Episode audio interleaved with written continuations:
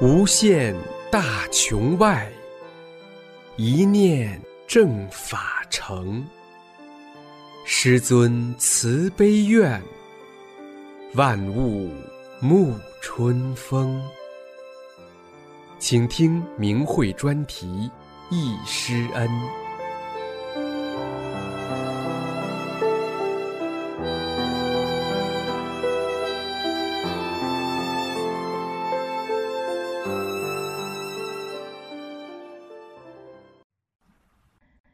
请听明慧忆师恩专题文章，题目是《忆师恩：幸福难忘的回忆》，作者锦州大法弟子。文章发表于明慧网，二零零六年十月十七日。每当我们和同修一起学法练功时，便想起了几次和师尊在一起的幸福时刻；每当我们在修炼中遇到磨难时，还是想起和师尊在一起时亲临亲见的感人至深的真实故事，使我们受到极大的鞭策和鼓舞，使我们终生难忘。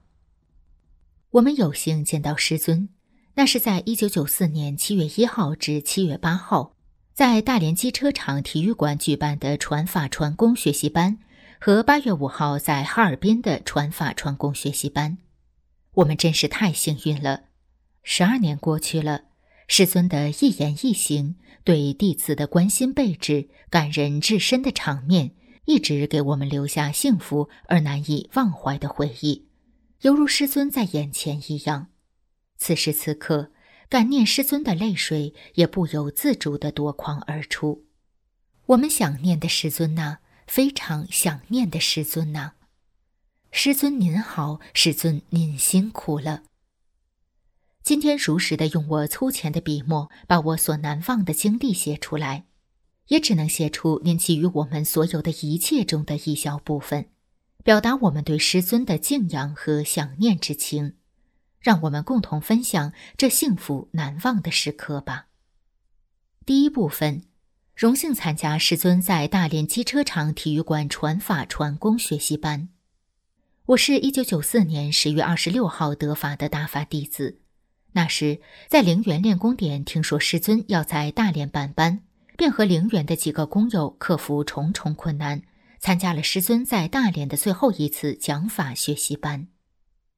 一去机场迎接师尊。记得那是一九九四年七月一号，得知到周水子机场去迎接师尊，当时我们太荣幸了。辅导站的同修考虑多方面因素，没有广泛通知。所以当时知道师傅乘飞机来大连的学员不多，可就是这样，那天去机场的学员已经把机场大厅装满了。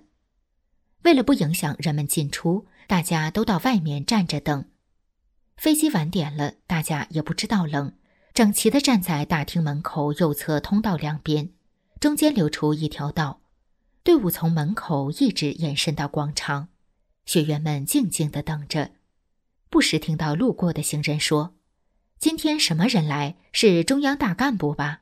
怎么来这么多人来迎接？”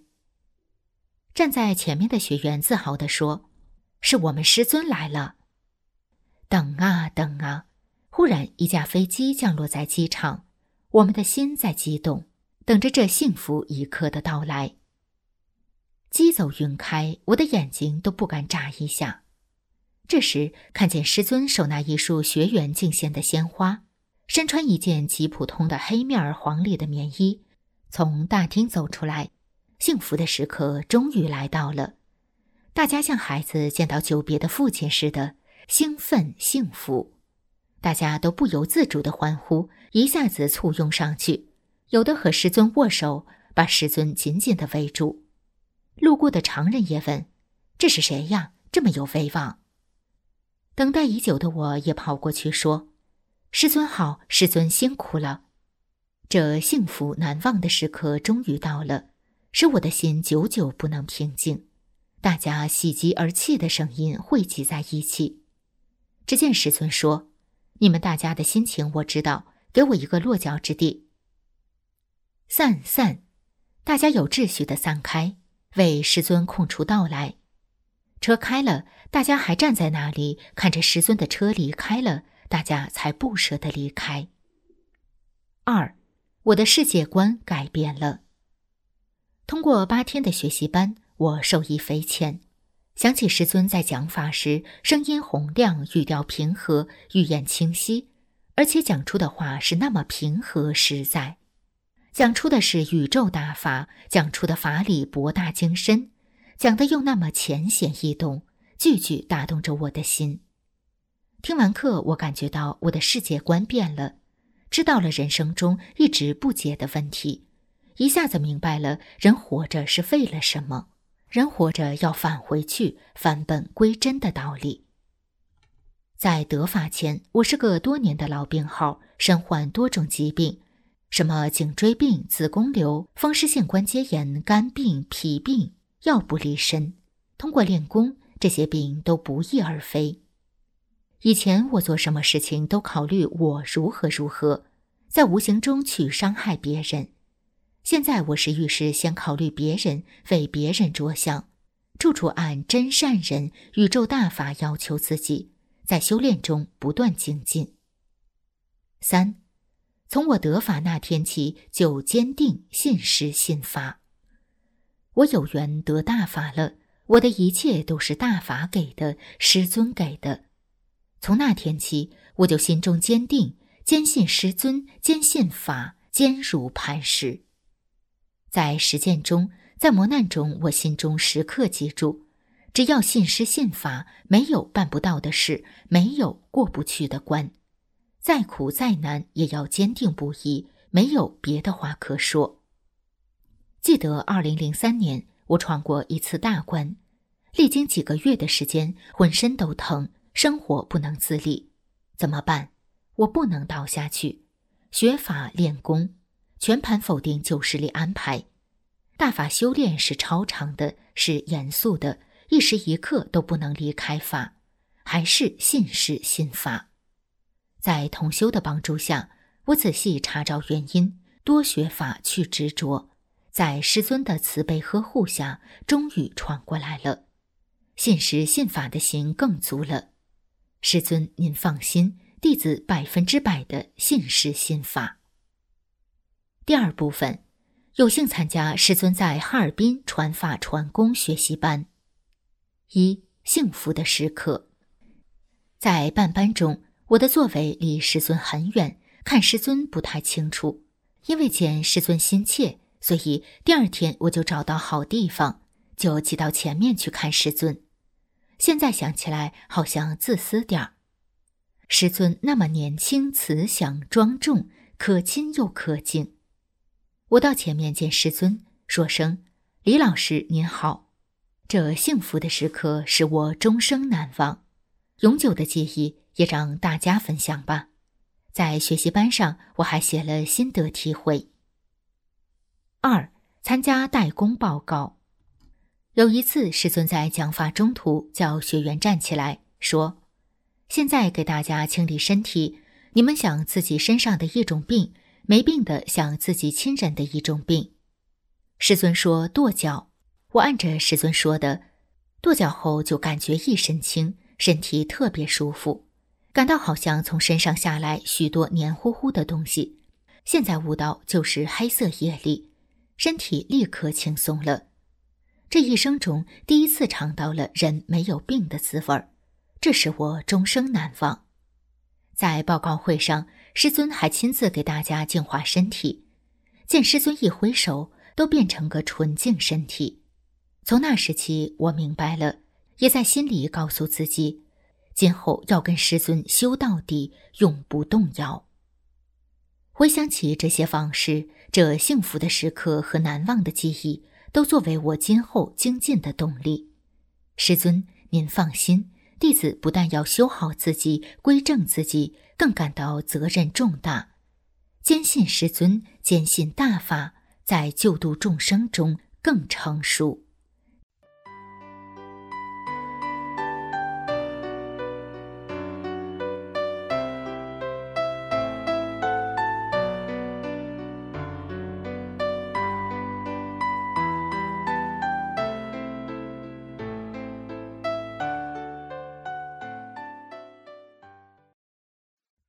请听明慧易师恩专题文章，题目是《回忆师尊九四年在广州讲法》，作者大陆大法弟子。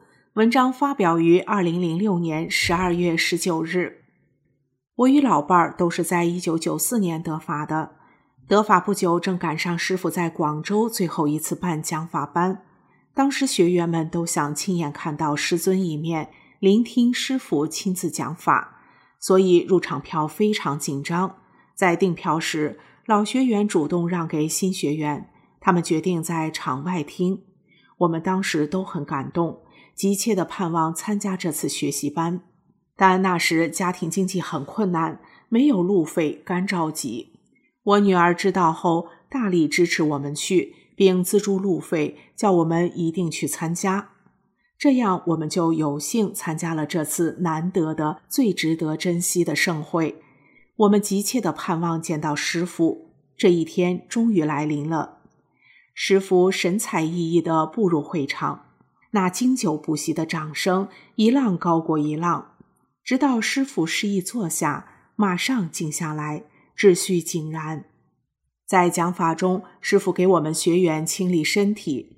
开始几天，会场上空气很浑浊，有黑气飘散在空气中。因我的天幕是开着的，直到后来几天，师傅清理干净了，空气也清新了。师傅讲法时，场内有些像金黄色菊花一样的东西在空中飘散。后来师傅解答问题时说。那是另外空间的觉者也来听法，大法的威德遍布穷提。在师傅给我们讲法的几天里，大家身体都有不同的反应。我的反应特别大，不但身体难受极了，而且魔的干扰特别大，思想业力反应也很激烈。整个听课当中一直在排斥邪恶的干扰，根本无法静下心来听课。所以，师傅给大家清理身体时，要求每个人想一下自己要去的病，或者给亲人去一种病也可以。我也没有听进去。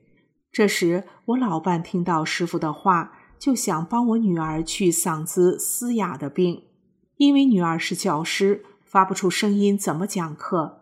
而且这病看了很多专科医生，甚至医学博士都说声带坏了，没法医了。我们都很着急，当时我老伴儿就心生这一念，求师傅给治治女儿的病。等学习班结束后回到家里，奇迹出现了，女儿的嗓子好了。他讲那几天感到嗓子里凉飕飕的，像有股风吹进去一样，嗓子就好了。因那时我们得法不久，对法理解不深，根本没有想到竟有这么大的神奇。师傅讲了一人练功，全家受益。师傅为众生得救要花多少心血，要付出多少艰辛？这件事激励了我们学法修炼的信心，下决心跟着师傅返回自己真正的家园。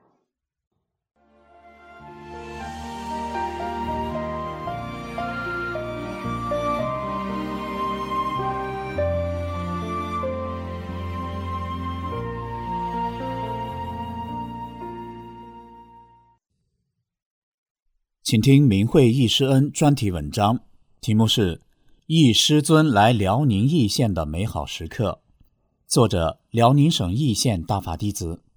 文章发表于明慧网，二零零六年十一月二十六日。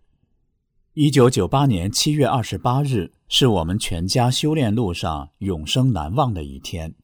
每当回忆这一天，全家都是思绪万千。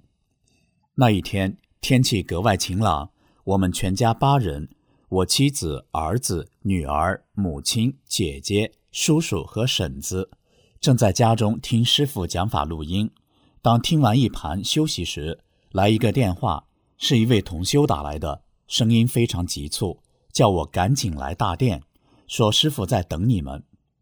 我当时真不敢相信这是真的，兴奋地在屋里蹦了起来。我对家人说。快，师傅来义县了，正在大佛寺、奉国寺呢。全家赶紧穿好衣服，一路小跑，直奔奉国寺大殿。当我们赶到时，师傅正和大佛寺的工作人员还有几名学员在一起照相呢。我们没等到师傅跟前，师傅就微笑着看着我们，并说：“来，一起照相吧。”我们抑制不住内心的喜悦和无比的幸福，顿时泪水不停地流了下来。此时忘记了一切，完全沉浸在恩师佛恩浩荡之中。其实这天是师傅从长春来，路过易县，而我母亲、叔叔、婶子和姐姐也是从长春来，根本不知师傅来易县。刚到我家，就幸福地见到了师傅。照完相后。师傅叫我们到他身边来，问我们在学法修炼中有什么问题提出来，给我们解答。我和其他学员提了许多问题，师傅一一做了解答。大约有一个半小时左右，师傅最后语重心长地说：“大意是，义县的大法弟子缘分太大了，大殿内外人越来越多，师傅亲自开着洁白的轿车离开了义县。”我们都依依不舍地双手合十，目送师傅远去。就在师傅离开不长时间，我正准备去洗照片，天阴了下来，不大会儿，狂风暴雨就席卷而来。当时我悟到，是师傅在另外空间清理不好的生命，才会有着突如其来的天气变化。暴雨大约下了一个小时，天空又晴朗起来。我们全家又沉浸在刚才见师傅的情景，又进入了那种幸福美好的回想中，真有说不出的幸福。至今，师傅离开我们义县已经八年了。师傅离开时那语重心长的话语，一直鼓舞激励我们全家及全县大法弟子好好修炼，跟上师傅正法进程，不辜负师傅对我们的殷切希望和为我们所做的一切。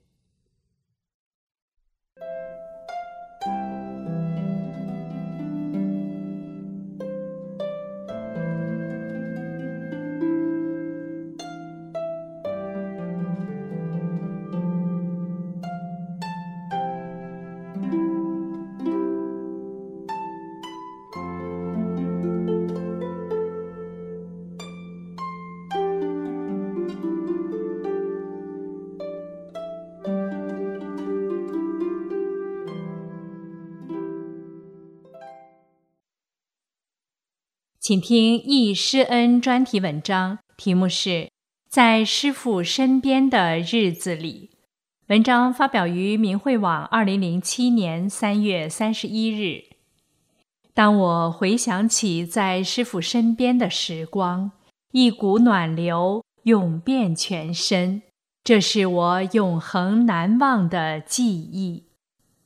一九九四年八月。我有幸参加了师傅在哈尔滨冰球场举办的讲法学习班。师傅是那么慈悲、善良、淳朴、和蔼可亲，为救度众生不辞辛苦，四处奔波。师尊用最浅白的语言讲出了最深奥的法理，真正的往高层次上带人。我被师父博大精深的法理吸引，明白了做人的目的，人活着是为了什么？我的人生观发生了很大的改变。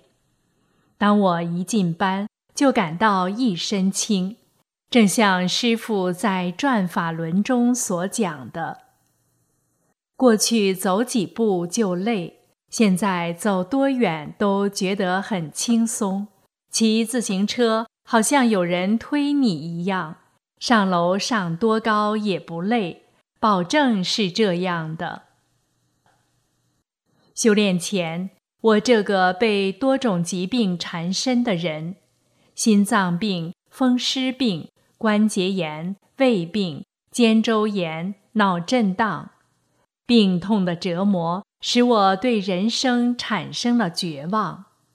在听师父讲法的过程中，我身上的各种病症不翼而飞，亲身感受到了师尊的慈悲与大神奇。是伟大的师父救了我，将我从地狱里捞出来，给我净化了身体，又给了我崭新的人生。使我明白了返本归真的道理。我坚信师尊，坚信大法，坚信这是块净土。我学大法前，走不到一里路，心脏就偷停，有时休克。在学习班第五天，我们地区学员集体去太阳岛，来回有三十多里路。从出发我就走在前边，身体非常轻，就像风吹一样。特别神奇，我高兴的差点喊出来：“大法太神奇了！”我看到师傅在前面走，我跑到师傅面前。师傅身材高大，光彩照人，朴素可亲，慈悲祥和。我仰面望着师傅说：“师傅，我们是三千多里地来学法轮功的。”我们有个请求，想和师傅照张相，留个美好的回忆。慈悲的师傅祥和地微笑着答应了我们的请求。拍完照后，我们跟在师傅后边，迟迟不想离去，目视着师傅离开。我们心情异常激动，一种无法形容的幸福、喜悦的感觉。涌遍全身。我再一次参加师傅在哈尔滨文化宫讲法时，坐在前面第二排中间，正是师傅面前。师傅那洪亮淳朴的声音，面带慈祥的讲法，告诉我们：如果你的身体调整好了，就想你的亲人。当时我想的是我丈夫。因为我参加班是我丈夫告诉我的，那时我丈夫心脏病很重，路远不能去，我才来参加学习班的。师傅告诉我们，我喊一二三，大家一起跺脚。我看见师傅一挥手，打出五颜六色的佛光，真是佛光普照，当场。所有的学员身上都有佛光。师傅说，回家后告诉家里人，病已经好了。学习班结束后，我回到家里，看到丈夫精神饱满，身体健康。我对丈夫说：“是师傅给你治好的病，师傅太神了。”从那时起到现在十多年来。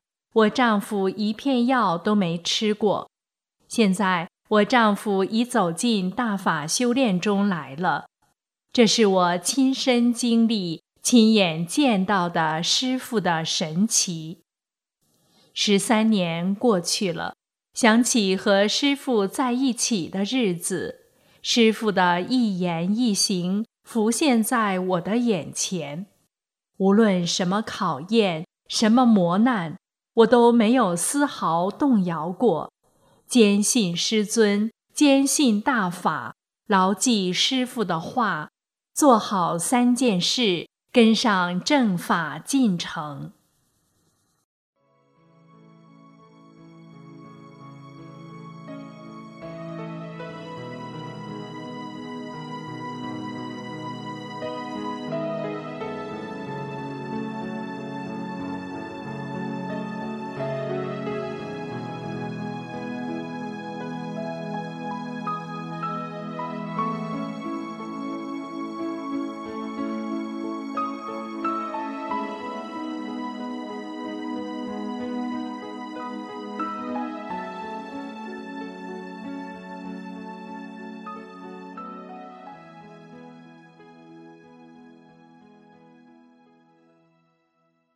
请听明慧易师恩专题文章，题目是《易参加师父郑州济南讲法班》，作者山西大法弟子。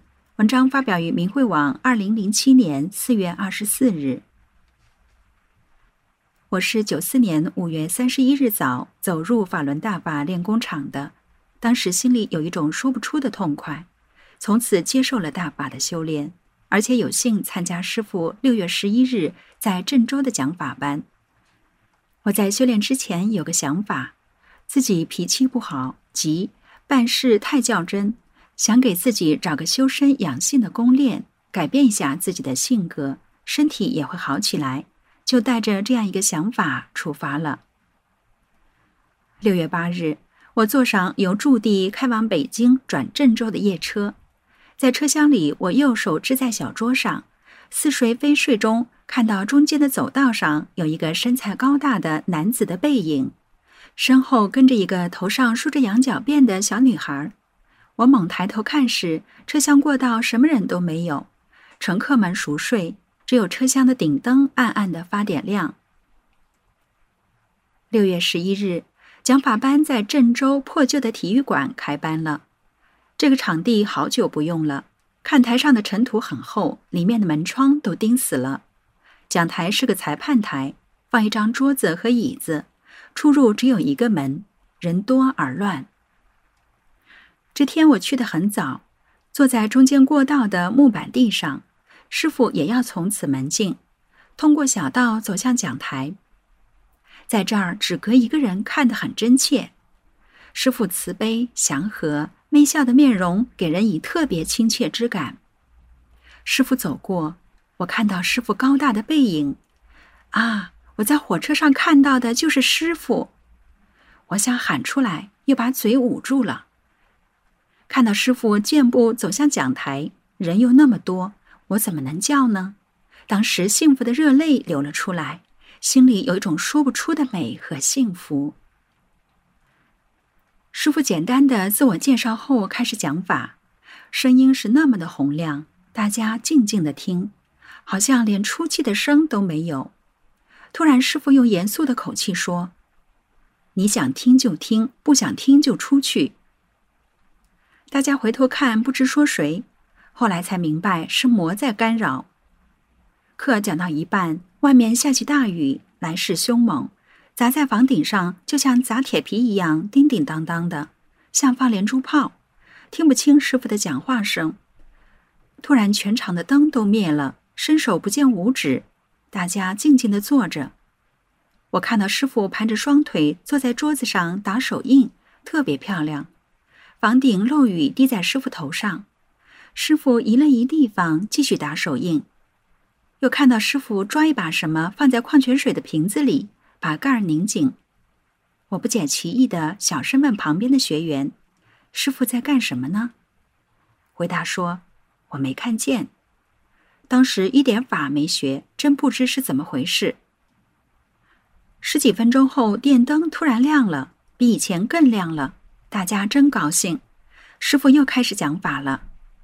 时间快到了，师傅说：“今天误的课，明天补上。大家在半小时内要回到住处，是大概意思。”师傅先走，手里拿着那个瓶子，有个人要。师傅说：“你要它干什么？”后来听同修说，瓶子里的水是红色的，也是大概意思。雨停了，大家离开了会场，马路中间没水。我们的鞋还是干的，路边的树有的断了，有的连根拔起。路过师傅的住处，看到门前的玻璃被砸得粉碎。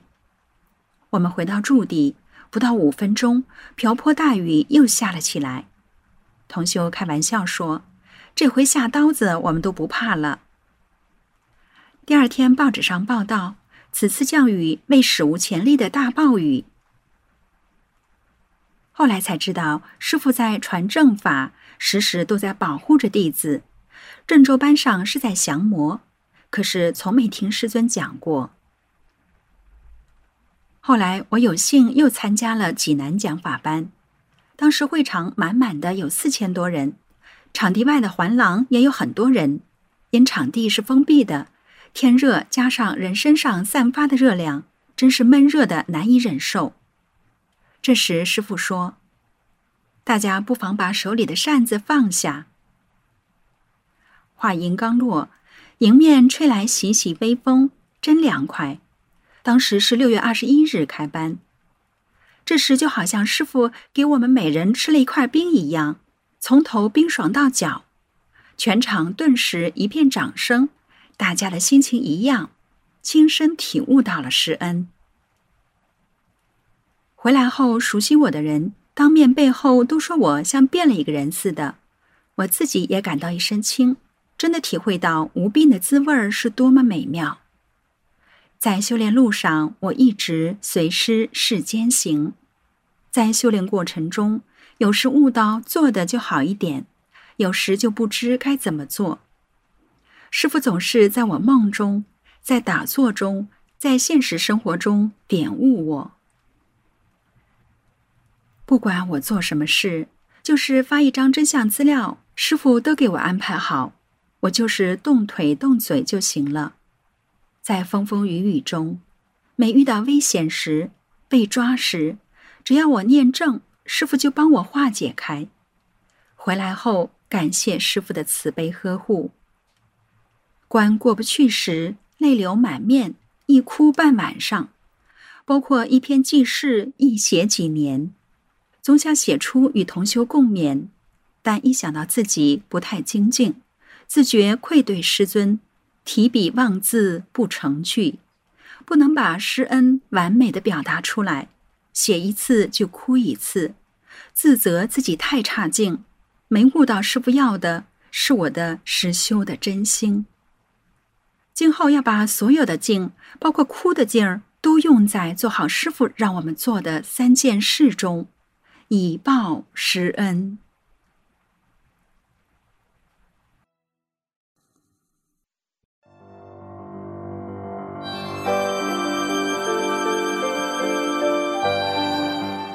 这一期的易师恩就到这里，谢谢收听。